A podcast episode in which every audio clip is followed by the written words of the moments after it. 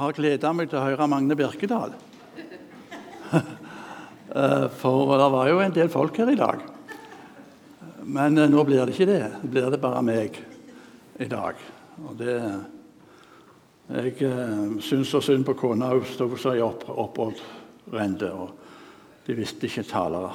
Ja, ja, det var sikkert andre fått, men jeg svarte nå ja, jeg. Og så skal jeg prøve. Selv om jeg er kommet litt ut av trening. Men jeg har lyst til å synge en sang i lag med dere. Og fordi at eh, det er midt i alt det som vi opplever nå, så eh, med pandemi i to år og krig i Europa, og, eh, så har vi Herren. Og han er min glede. Og Vi begynner med det koret. Han er min sang og min glede. Han er min Herre Gud. Ja. Og så er dere med med en gang. For stemmen min er ute av trening. Jeg har ikke sunget nesten på ti år.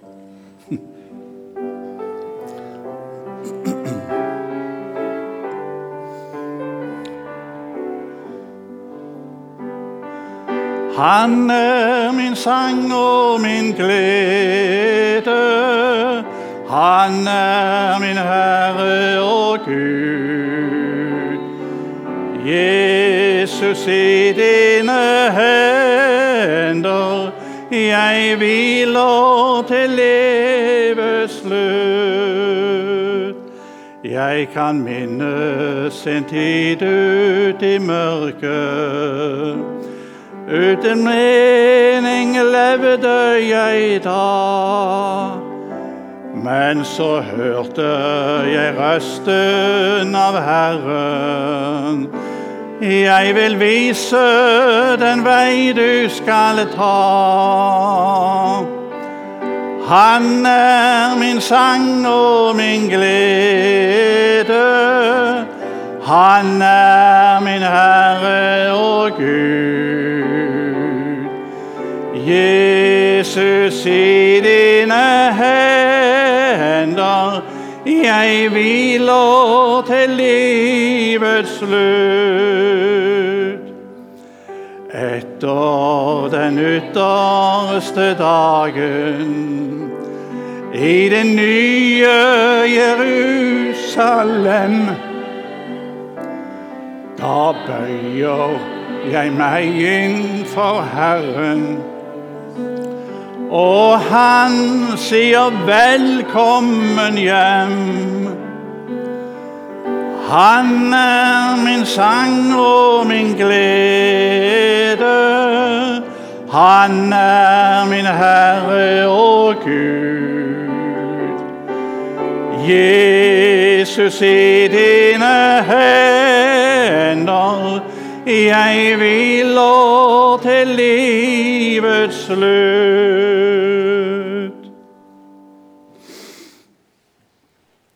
Ja, som vi hørte her, og Else Marie nevnte Ukraina, og vi har hatt det oppe på bønnemøter. vi skal be for det på slutten av møtet. og Jeg vil òg være med og be for det, deg og det som skjer der nå. Og um, Ukraina er jo et land som på en måte, mange måter er kommet svært nær oss. Jeg eh, tenker på dette arbeidet som KBK driver i Ukraina. Og Det starta jo på Fjelltun med konfirmantundervisning og turer til Ukraina med konfirmantene. Og de får ha et stort arbeid. Mange òg eh, fra vårt eh, arbeidslag i Misjonssambandet er ivrige og er med her i dette arbeidet.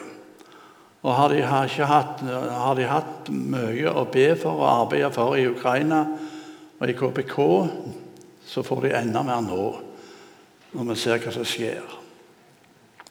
Og Jeg har uh, fulgt med på NRK, på mediene, spesielt NRK. da. Og Jeg har jo anledning til det når jeg sitter i dialysen og, om dagene. og, og og jeg så uh, Det var en familie som ble splittet på grensa fordi at uh, menn vel fra 18 til 60 år blir stoppa fordi de må, blir innkalt og må, må, være med i forsvaret av landet sitt. Og Så så det, hun ukrainske mora sammen med to, døtte, to unger og snakket med mannen sin. på Skype. Og så sa hun 'Jeg elsker deg', sa hun. Det var det siste jeg hørte. 'Jeg elsker deg', og så sa han det samme tilbake. 'Vær sterk', sa hun. Og så sa hun 'Vi ber for deg'. Og flere ganger sånt har vi fått sett gjennom NRK sine sendinger at eh, folk nevner Gud. Og det er jo ikke vanlig i NRK og i norsk medieverden å regne med Gud. Nå regner jeg med Gud. Og Ukraina var jo det landet i sovjetsamveldet som det var mest kristne i. Mye kristenfolk i, i det landet. Så det er mange som ber nå. Så må vi huske på våre søstre og brødre i, i det landet. Og så får vi be om at Sovjet eller Russland da, må få en ledelse som respekterer både demokrati og trosfrihet og ytringsfrihet. Det vil jeg be om. Kjære Jesus, du ser dette lidende folket som er kommet så tett inn i stovene våre og inn i våre hjerter. Vi ber for deg, Jesus, om at du må gi dem nåde og hjelp og at uh, det må få en ende, dette her, med denne krigen som vi nå opplever i Europa.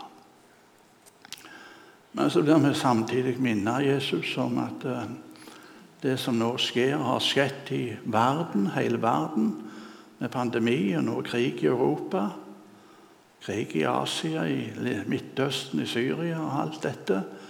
Det er det som du sa, talte til dine før du for herifra om at det skal være rykter om krig, og, og det skal være naturkatastrofer, og det skal være pandemier. Herre Jesus, jeg tror snart du kommer nå. Det er så mange ting som på en måte vitner om det, men vi vet jo ikke. Men vi vet at det, som du har sagt i ditt ord, det skjer, og det skal vi minnes i dag. Så legger vi denne stunden i dine hender, Herre, videre. Og jeg ber òg om din nåde. Og vi får oppleve at du er nær Jesus. Det kan jeg få oppleve det meg sjøl når jeg står her. Og at de som skal høre meg, får høre at jeg, Herre Jesus. Så blir det godt å være her. Amen. Ja, nå er vi altså i vinterferien. Og det går fort nå med påske. Og så har vi altså fått en tekst som skal stile oss inn og tankene på det som skjedde i påsken. Se, vi går opp til Jerusalem. Det er overskrifter i dag. Og så står det i Lukas 18 Han tok de tolv til side og sa til dem Se, vi går opp til Jerusalem, og alt som er skrevet av profeten og menneskesønnen, skal oppfylles. For han skal overgis til hedningene og bli hånet og mishandlet og spyttet på. De skal hudstryke ham og slå ham i hjel, og på den tredje dag skal han oppstå. Men de forsto ikke noe av dette, og dette ord var skjult for dem, og de skjønte ikke det han sa. Han tok de tolv til side. Eh, vi møter Jesus her eh, på vei til eh, Jerusalem. Han er vel ikke kommet til Jeriko. For Senere i dette kapitlet så leser vi om at han møter den blinde mannen på vei til Jeriko, som han fikk gjøre sjående igjen. De kom fra Filippi i Sasarea, oppe i nord, nord, helt nord i Israel, i Galilea. Der har jeg vært. Og jeg ser ennå der Jordanelva tyder ut av fjellet. Det var det merkeligste jeg har sett. altså. For helt nede med, med bakken sånt, og så kom fjellet ned sånt. Det er jo, 18, det er jo et par tusen meter høyt. Um, uh, så, så, så pipla det vann utover fjellet. Og så var det en liten bekk. Til slutten så utvida seg til større og større, bredere. Ikke så voldsomt breie, men, men eh, på bredden ved salen her vil jeg tro på det bredeste. Der vi var iallfall. Og der så vi oppi båter og seilte nedover. Jordanelva. Langs den elva så gikk Jesus når han skulle til Jerusalem. Ja. Og Det var jo mest i Galilea han var, men han var også i Jerusalem. Da gikk de den veien. Der hadde de vann. Og så fulgte det mye folk med han på den tida, for det var på slutten av hans tids virketid. Da han virka i tre år. Men på veien der til, da, til Jerusalem så tar han de tolv til side. Ut av folkemengden, altså. Og så er det noe han vil si bare til de tolv. Ja. Og Det minner meg og oss om at uh, apostlene de har en spesiell stilling i kristendommen og i trua vår. Uh, de uh, styrer vi ikke med som vi vil. Jo, dessverre så er det noen som gjør det. Det er ikke så nøye å tro på kanskje det som Paulus sier, for han var jo en, et barn av, av sin tid, og vi kan ikke la hans tanker og det, den eh, tanken de hadde da, bestemme nå i år 2022. Men, men uh, vi kan ikke det. Vi kan ikke, vi kan ikke følge Paulus. Altså, De, de tar vekk noe av apostelautoriteten. Men han tok de tolv til side. Og På den måten så understreker han at dere er utvalgt på et spesiell måte av meg til noe som ikke alle de andre har. Eh, den, de ord som altså apostlene taler, og som vi finner i Bibelen, de er Jesus sine ord. Det er ikke hans postlene sine tanker, men det er Guds tanker. For hele Skriften, står der, er innblåst av Gud. Tenkte jeg ville bare minne om det helt til å begynne med. Vi må holde apostelordet, det som apostlene sier, like autoritet, stor autoritet som Jesu ord. Ja. Det apostlene sier, det sier Gud. I parallellberetningen eh, i Matteus 20 så leser vi òg På veien opp til Jerusalem tok Jesus de tolv disiplene til side, så de ble for seg selv, og sa til dem:" Se, vi går opp til Jerusalem, og menneskesønnen skal bli overgitt til yppersteprestene og de skriftlærde, og de skal dømme ham til døden.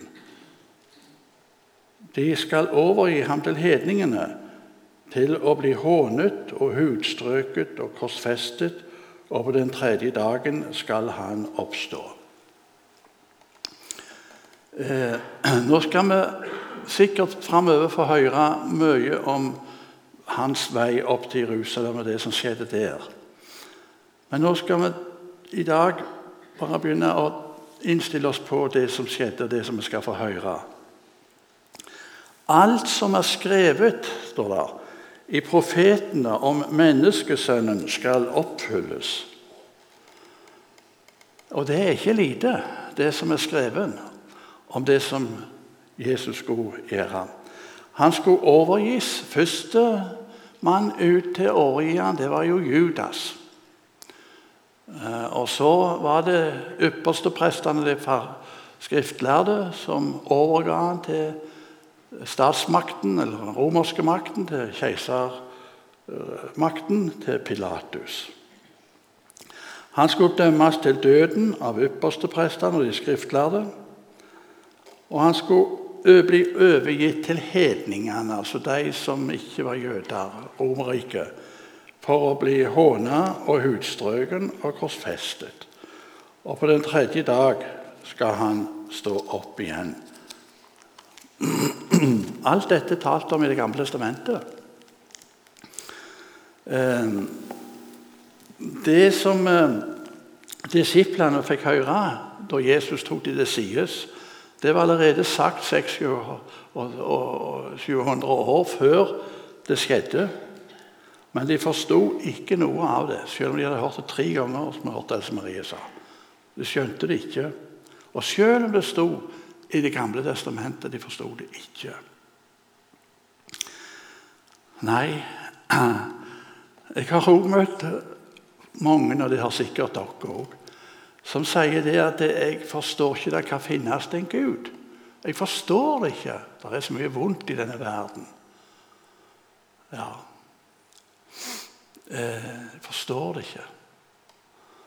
Jeg så det samme med en på dialysen og snakket med han både raust, løst og fast. Og både fra gard til fiske og alt mulig. Det var en veldig kjekk mann. og Nå har han fått ordna seg hjemme, han, så han styrer med denne dialysen hjemme. Jeg savner han. Ja, jeg savner han Geir. En bonde fra Jæren. Men han forsto ikke det der, sa han, med Gud. Nei, sier jeg. Det kan du nok ikke forstå, men prøv, så skal du se og skal du forstå. Smak og se, står det i Bibelen, at Herren er god. Så skal du få smake den. Men du må ta imot den. Ta imot den. Eh, det har med åpenbaring å gjøre, dette her. Det har ikke med oppdragelse eller intellektuell kapasitet å gjøre og skjønne det som Jesus gjorde for oss, og det som står i Skriftene. Bibelen må åpenbares ved Den gode, hellige ånd. Ja. Og så har jeg mange, mange minner. Jeg kan fortalt om det, men det må jeg ikke gjøre. Men det har sittet med ordet, og det under ordet, og hørt ordet. Å, sånt er det! Der er det! Der er det! Sånt er det! Det gjelder meg òg. Det er mitt. Det er mitt. Jesus døde for meg. Han som ikke visste av synd, har Gud gjort til synd for at vi skal bli frelst ved ham. Der har jeg det. Det var jo meg det gjelder. Det var mitt. Og det blir gode stunder. Nå skal vi høre litt om det som eh, står i Det gamle testamentet. Om det som skulle skje når Jesus gikk opp til Jerusalem. David han erfarte hva Jesus nå skulle erfare. Og David står her som et forbilde på Jesus og taler òg. Og det, det som står her, det er òg talt om Jesus. Salme 41. Også den mann jeg levde i fred med, som jeg stolte på, han som åt mitt brød, har løftet sin hæl imot meg. Hvem er det det står om her? Judas. Han jeg stolte på. Han jeg regna med. Han som jeg har spist i lag med, han som har hørt meg. Salme 55. For det er ikke en fiende som håner meg. Det kunne jeg bare. Det kunne jeg bære. Heller ikke er det en som hater meg, som opphøyer meg seg over meg. Da vil jeg gjemme meg for ham. Nei, det er du, du som var min likemann, min venn og min kjenning. Vi som hadde fortrolig samfunn med hverandre da vi vandret i høytidsskaren opp til Guds hus, altså til Jerusalem. Hvem er det talt om her? Judas. Ja. Betrodd oppgavene han har fått med å være kasserer i disippelflokken. Ja. Han skulle forråde han. Han skulle være den første til å overgi han til døden.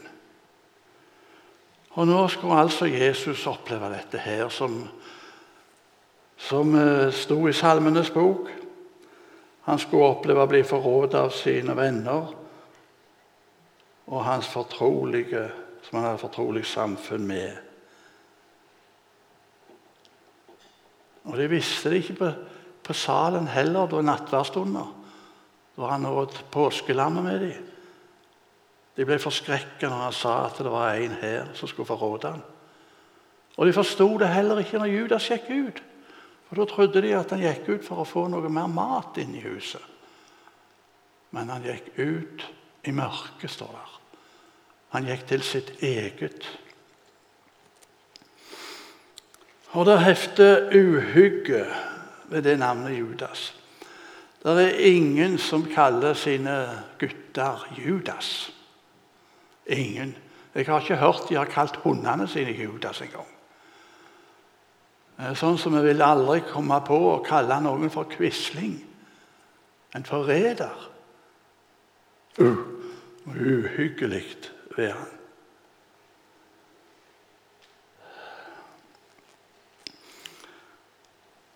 Så møter vi Judas og Jesus etter nattverden tidlig om morgenen. Eller på, på dotter i ett-tida på natta, var det vel. De holdt måltid fram til midnatt, og så gikk de til over Kedron. gikk de til Getsemane. Og I Getsemane så møtte han Judas, som kom i lag med soldatene. Og så sier Jesus til ham Venn. Han sier 'venn'. Han visste han var forråderen. Men han sier 'venn'. Hvorfor er du her? Venn. Å, om vi kunne hatt noe av Jesus' sitt sinnelag. Vi vet at den som nå står imot meg, han er imot meg. Men kalte han for venn. Han elsket sine like til det siste, står der. Johannes evangeliet. Og slik er altså Jesus. Tenk han kunne kalle han som forrådte han, den verste vel av alle synder på jord, for venn. Han elsket han inntil det siste. Og Så setter jeg noen minutter etterpå, så, eller sekunder etterpå, så kommer Judas, og så kysser han han. Og det hadde han sagt. Han som kysser, han skal det ta. Han er det. Og Jesus sa til ham, Judas, forråder du menneskesønnen med kyss?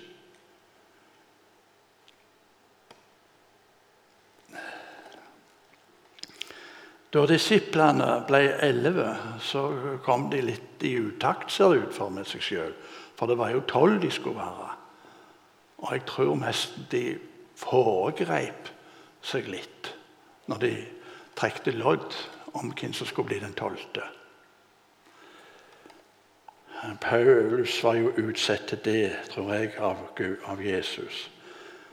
Og Når det står om de, de skulle velge han, så velge den tolvte, så står det de ba og sa, Herre, du som kjenner alles hjerter, vis oss hvem av disse to du har utvalgt, til å få del i denne tjeneste og apostelgjerning som Judas forlot for å gå til sitt, e, sitt eget sted. Ehm, for å gå til sitt eget sted. Judas forlot for å gå til sitt eget sted. Det der har, det der har, det har jeg mange år tenkt på. Tenk han gikk ut vekk. Ut i mørket. Det er mørkt om natta til sitt eget sted. Han forlot dem. Hvordan kunne det skje at han som var kalt apostel, til å være vitne for datida seinere tider, for å ha fått den apostelmyndigheten som Jesus ga ham, kunne gå bort ifra dem til sitt eget sted. Det begynte i det skjulte. Han tok av pungen, står der. Han var en tjuv. Det begynte så forsiktig. Litt her og litt der. Umerkelig for de andre. Ingen så det. Når jeg tenker den, den tankebanen der, så tenker jeg har jeg møtt noen slike, jeg? Som bekjente Jesus? Ja, jeg har det. Jeg har lagt reiseruter for slike som stilt og rolig glei bort. Jeg har flere. Jeg hadde en kamerat da jeg var 18-19 år på Karmøy. Jeg ser han ennå for meg. Han gikk med Bibelen så krøy over armen. Der hadde han. Han var 18-19 år begge to.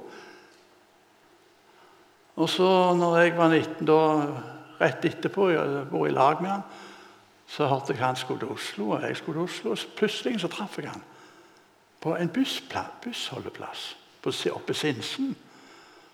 Og Så sier jeg 'Å, hei, Eivind, er det deg, ja?' Så så han på meg. 'Ja, det er det.' 'Ja, ja, det var kjekt å treffe deg.' 'Ja, jeg tror ikke du syns det', sa han. 'Hva da for', sier jeg. 'Ja, 'Jeg er ikke sånn som du tror jeg er', sa han. 'Jeg bryr meg ikke noe om Gud mer, jeg.' 'Nei, nå har jeg funnet friheten. Nå har jeg funnet meg sjøl. Nå har jeg blitt med i mitt miljø.' Det var så vondt. Vi hadde gått i sammen på møter. Har du noen som, som har glitt bort? Ser du hvor lett det er å gli bort? Det skal så lite til, og folk vet ikke om det. Men det er noe du har for deg sjøl. Kvitt deg med det. Og Har du noen som du vet er på vei bort, kall de hjem igjen. Kall de hjem igjen. Jeg kjenner ungdomsledere som har hatt den trangen og ansvaret og nøden for sine ungdommer her i Salem. De er så urolige. Jeg tror jeg må ta en tur og snakke med dem. Han fikk hente dem inn igjen.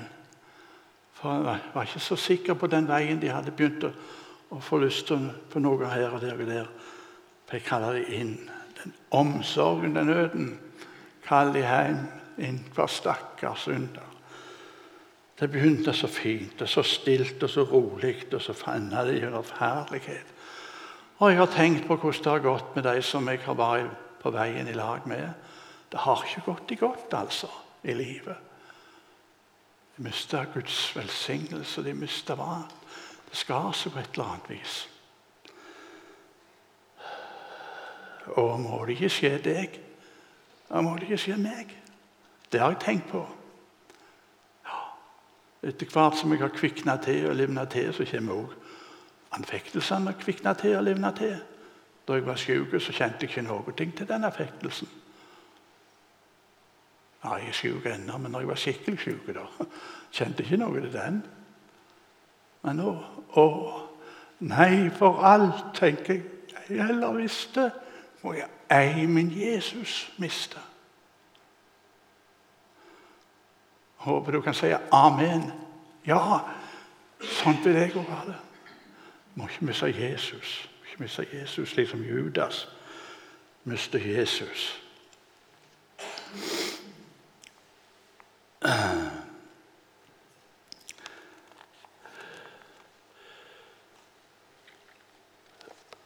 Jesus sa at han skulle dømmes til døden av yppersteprestene og de skriftlærde. Ja, klokka seks om morgenen natt til fredag så sto Jesus for Det høye råd og fikk dommen. Matteus 26. Og hør her leser jeg altså i, fra Salmenes bok at uh, han skulle bli spytta på. Og så leser vi Matteus 26, da går det i oppfyllelse. Da spyttet de ham i ansiktet og slo han med knyttneven. Andre slo han med stokker, og de sa, Spå oss, Messias, hvem var det som slo deg?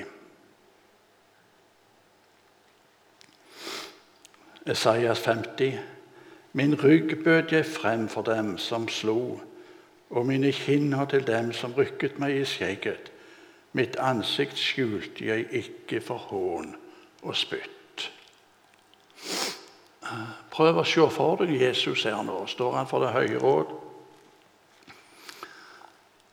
Og i sin forakt for at han sier han er Guds sønn, så spotta de. De samla spott i munnhåla si. Og så kommer den ene klysa etter den andre retta mot Jesus' ansikt og renner nedover hans kinn.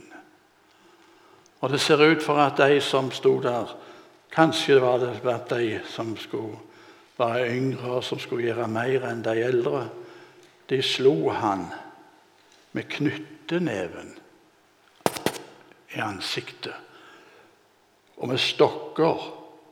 Og de sa, 'Spå oss, Messias, hvem var det som slo deg?'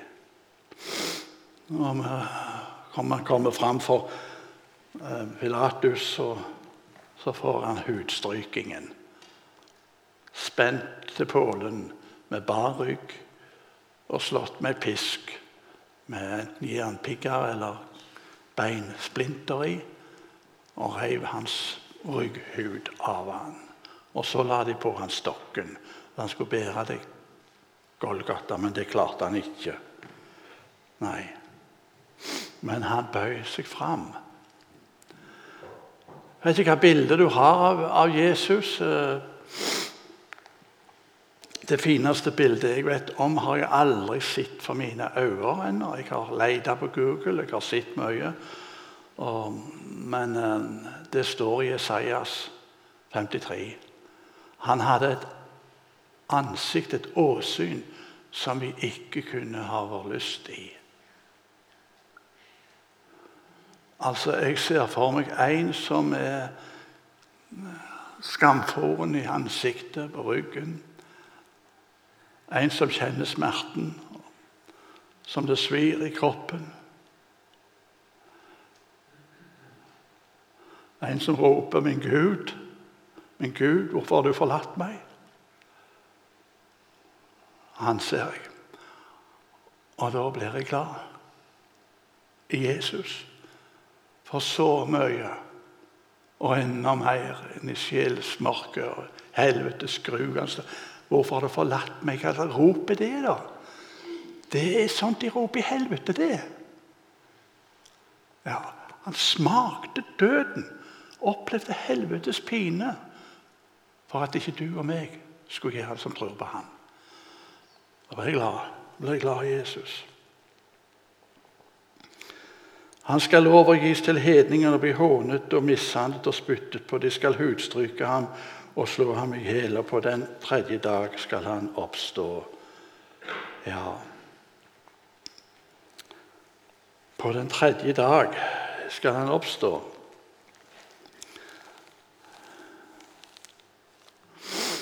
Det slutta ikke med døden, altså. Og Her sitter vi hele flokk som skal dø.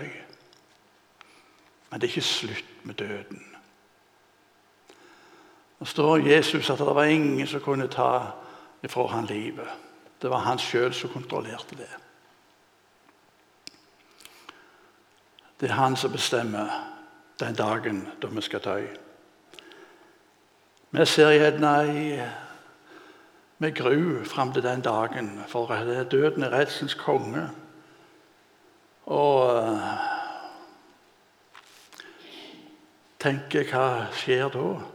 Og nå har jeg lyst til å si mye om det, men det kan jeg ikke nå. Men det som jeg kan si, det er at Jesus sto opp på grava.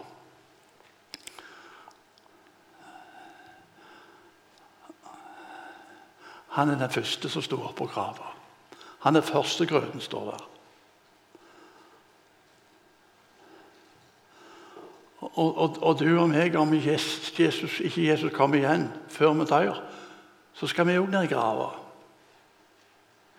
Men sjela vår skal hjem til Gud. Og det er så mye, mye bedre, står der. For livet for meg er Kristus, og døden en vinning, sier Jesus. Å, kommer du nå, sa mor til Leif Leif Madsen, svigerfar til Hovda her i Salem. De hadde hatt mor siden 104 år, og så på slutten så, så hadde de ikke kontakt de siste 14 dagene. Men så, så siste hun sa kommer du, reiste hun seg opp i senga og sa 'Kommer du nå, Jesus?' Det var godt. Så la hun seg ned. Så var hun framme. Ja. ja. Oppstandelsen, det er en som har sagt det er det som hele kristendommen og hele knaggen på veggen der hele kristendommen og trua henger på. Hadde ikke han stått opp ifra de døde, så var det ikke mening og vits i det som Jesus hadde gjort for det. Men det skjedde, som profetene sa, at han skulle stå opp igjen. Det døde tredje dag. Og nå er alt gjort klart. Trenges ikke gjøres mer. Jesus har gjort det fullkomment, det som skal gjøres for å bli frelst. Ja. Og jeg, jeg, jeg, er så vanskelig å tro at det er en Gud, sa søsteren min da hun lå på dødsleiet. Ja, men du må tro. Bare ta imot han, sier henne. Jeg og Anne. Men ta imot. Bare tro. Alt det som skal gjøres for at du skal bli en kristen, det, det er gjort av Jesus. Han ble gjort til synd for deg. Og Det betyr at han, han tok de synd. Alt i sammen. Og du, Hvis du vil si takk til det, da, så er du frelst. Så da var jeg en stund, og så sa hun jeg gjøre jeg det. Da får jeg gjøre det, sa hun. Og så sa hun en liten stund etterpå nå fikk jeg fred. Nå fikk jeg fred. Det er nok, det som Jesus gjorde. Det er nok for meg, og det er nok for deg, og det er nok for hele verden. Og vi priser og takker deg, Jesus, for det. Takk fordi at du var villig til å gå opp til Jerusalem for å gi oss en fullkommen frelse. Alt er fullbrakt. Alt er gjort. Og vi skal bare få takke deg, og så er vi frelst. Takk for at du døde for oss, Jesus. Amen.